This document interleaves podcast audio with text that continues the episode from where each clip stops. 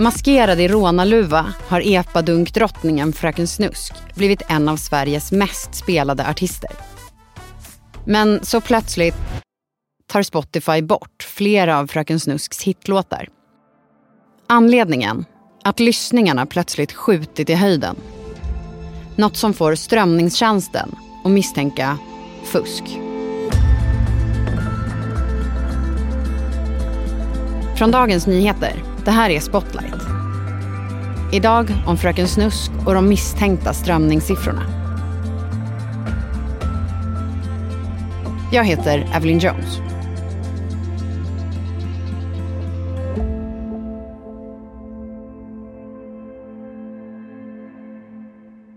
Överallt spelas epadunk.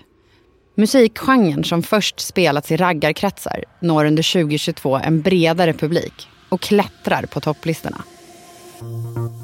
Epadunk är, det är tung bas, det är medryckande melodier, det är fest. Hugo Lindqvist är granskande reporter på DN. Det är grovt sex, det är bilar, det är fylla. Det är att eh, rulla genom en småstad i sin eh, epatraktor och lyssna på musik som är, står för hedonism. Att inte bry sig om någonting annat än här och nu. Den är ganska svårdefinierbar som genre men epadunk är också någonting mycket större än en dunkande musikstil. Det är också en kultur som slår igenom stort i Sverige åren efter covid.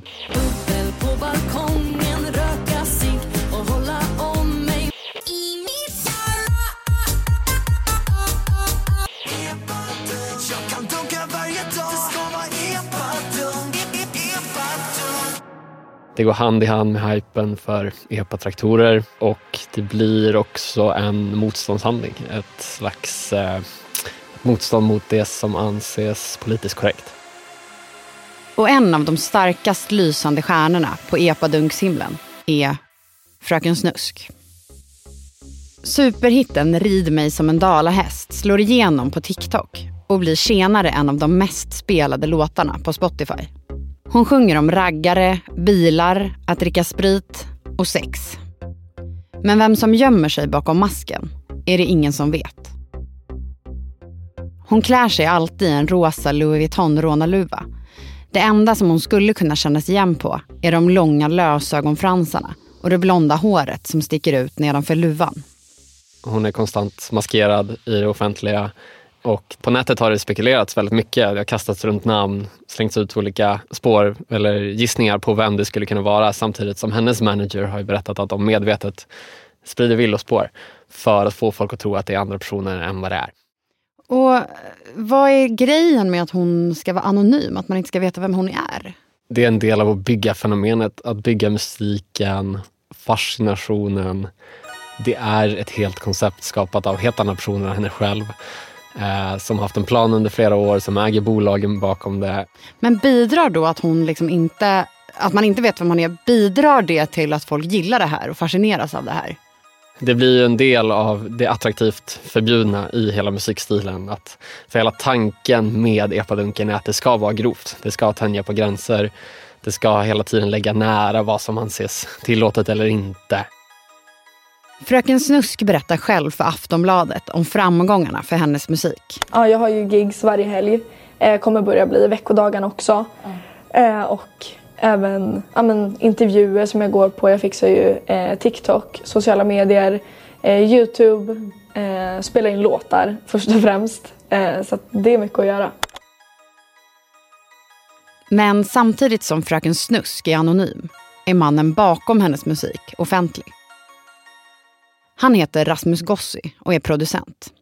Och all Fröken Snusks musik släpps på hans bolag.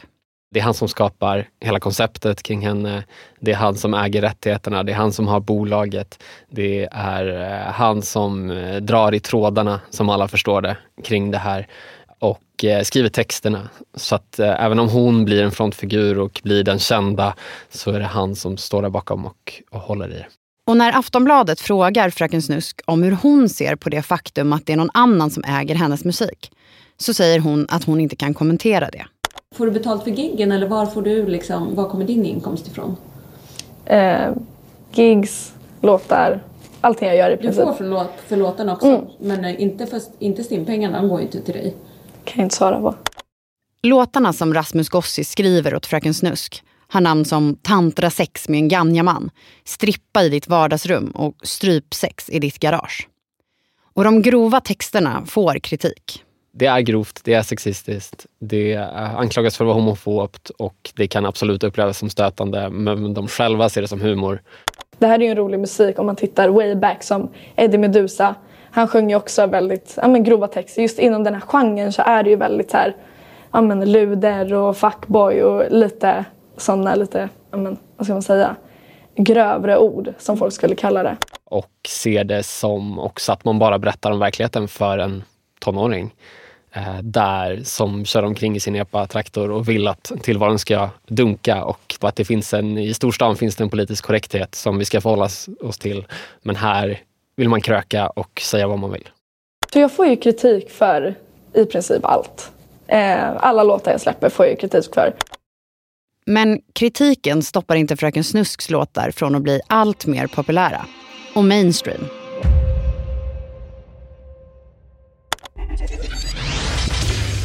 Artisterna för Melodifestivalen 2024 är klara. Några av de största namnen är Klara Klingenström, Samir och Viktor Liamo och Fröken Snusk. Den karaktäristiska rånarluvan är sprayad med ny rosa färg.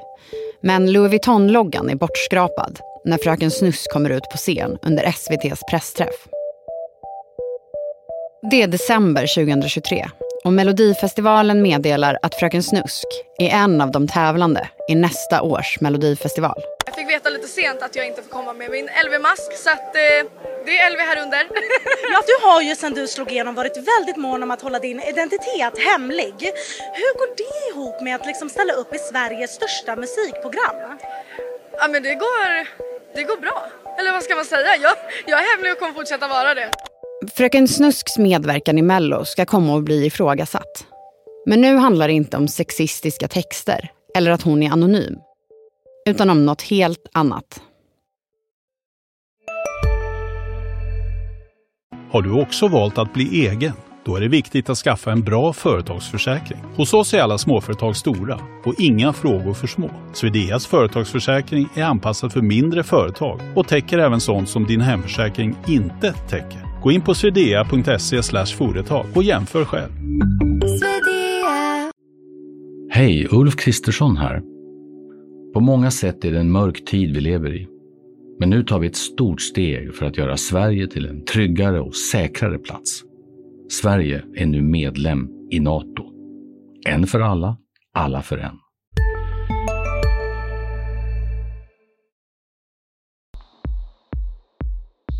En dag i december 2023 händer någonting med lyssnarsiffrorna på Spotify.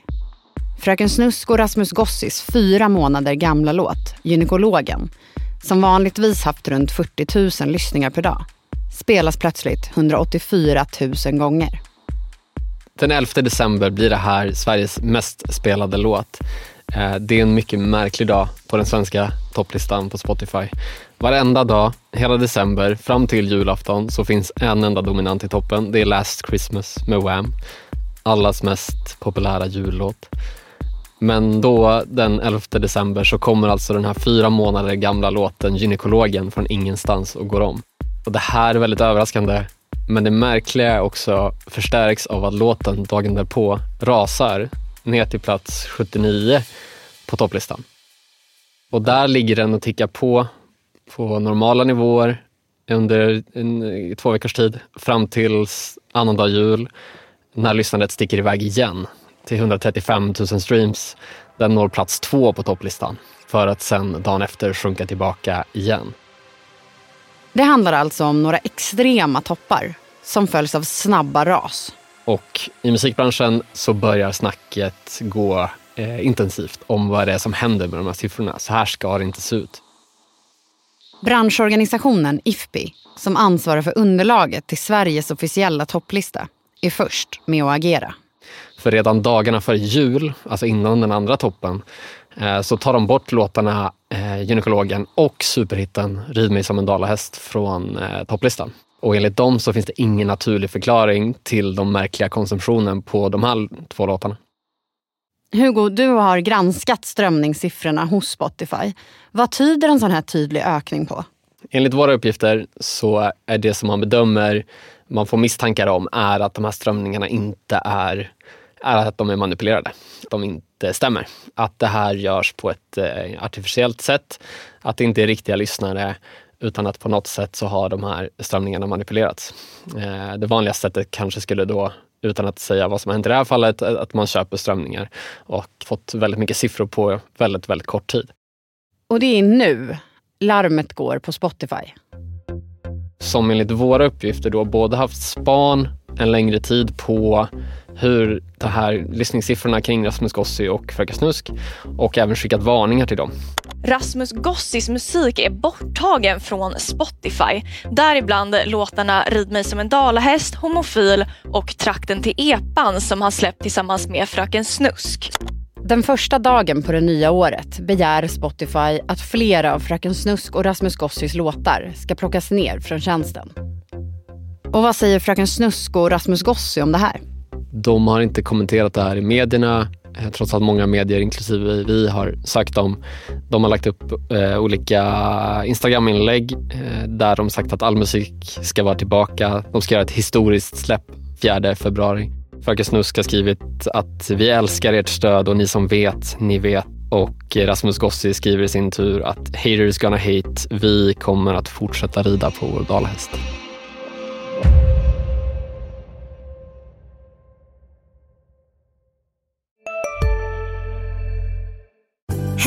Synoptik här. Hos oss får du hjälp med att ta hand om din ögonhälsa. Med vår synundersökning kan vi upptäcka både synförändringar och tecken på vanliga ögonsjukdomar. Boka tid på synoptik.se. Ni är med om det största. Och det största är den minsta. Ni minns de första ögonblicken. Och den där blicken gör er starkare. Så starka att ni är ömtåliga. Men hittar trygghet i Sveriges populäraste barnförsäkring. Trygg Hansa. Trygghet för livet.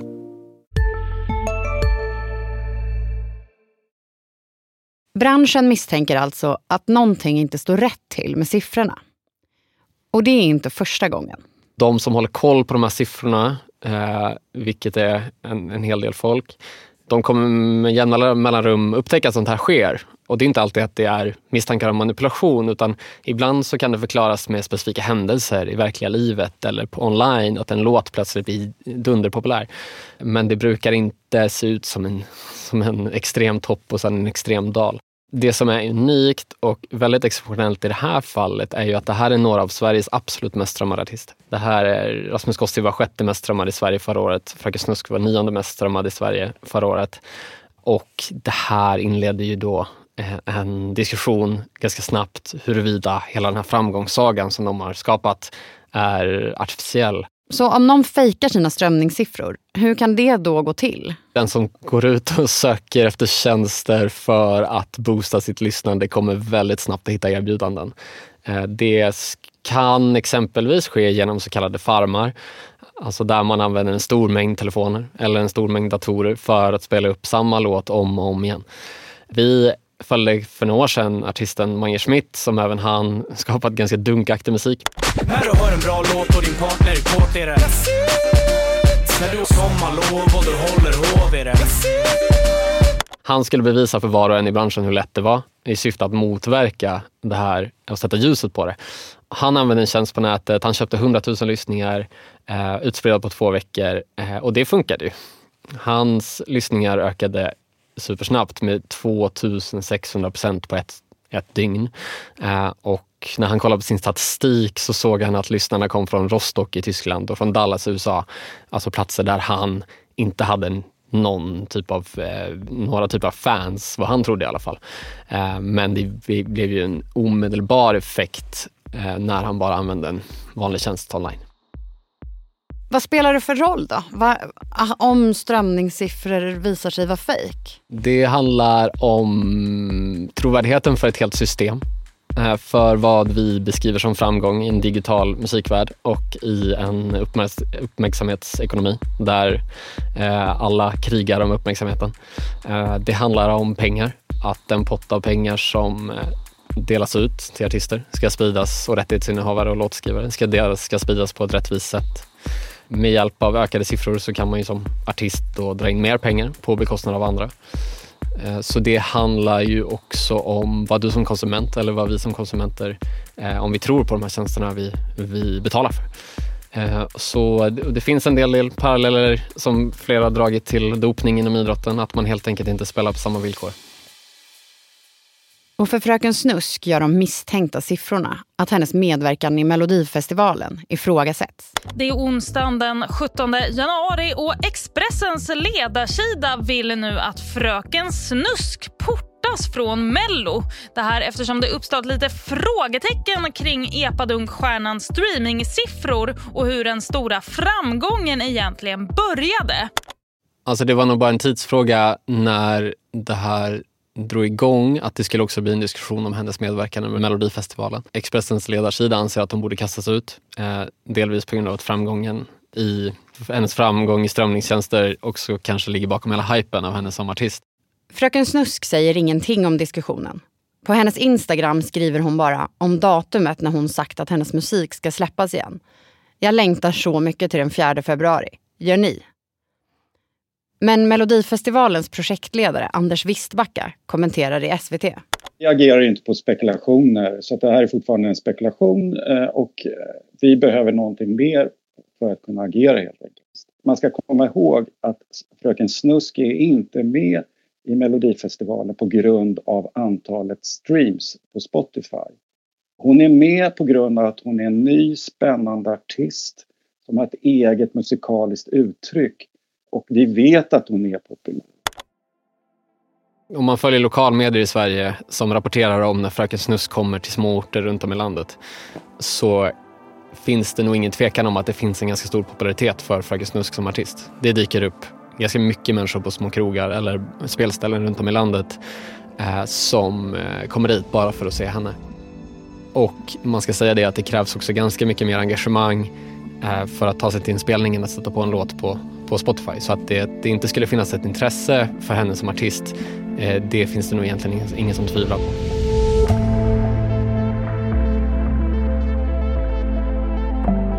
Du har lyssnat på Spotlight med mig, Evelyn Jones. Gäst i dagens avsnitt var Hugo Lindqvist, granskande reporter på DN. Producent var Sabina Marmulakai. Ljudtekniker och slutmix, Patrik Miesenberger. Vinjetten är komponerad av Patricio Samuelsson. Ljudklippen i avsnittet kom från Aftonbladet, Sveriges Radio, SVT och från Fröken Snusk och Rasmus Gossi. Låtarna som spelas i avsnittet är Rid mig som en dalahäst med Fröken Snusk och Rasmus Gossi. Bubbel på balkongen med Sofie Svensson, Elof och Benny och de där. Rave i mitt garage 2 med Albatraus. Glassigt med Mange Schmidt. Och Epadunk med Ströget. Ansvarig utgivare för Dagens Nyheter är Peter Wolodarski.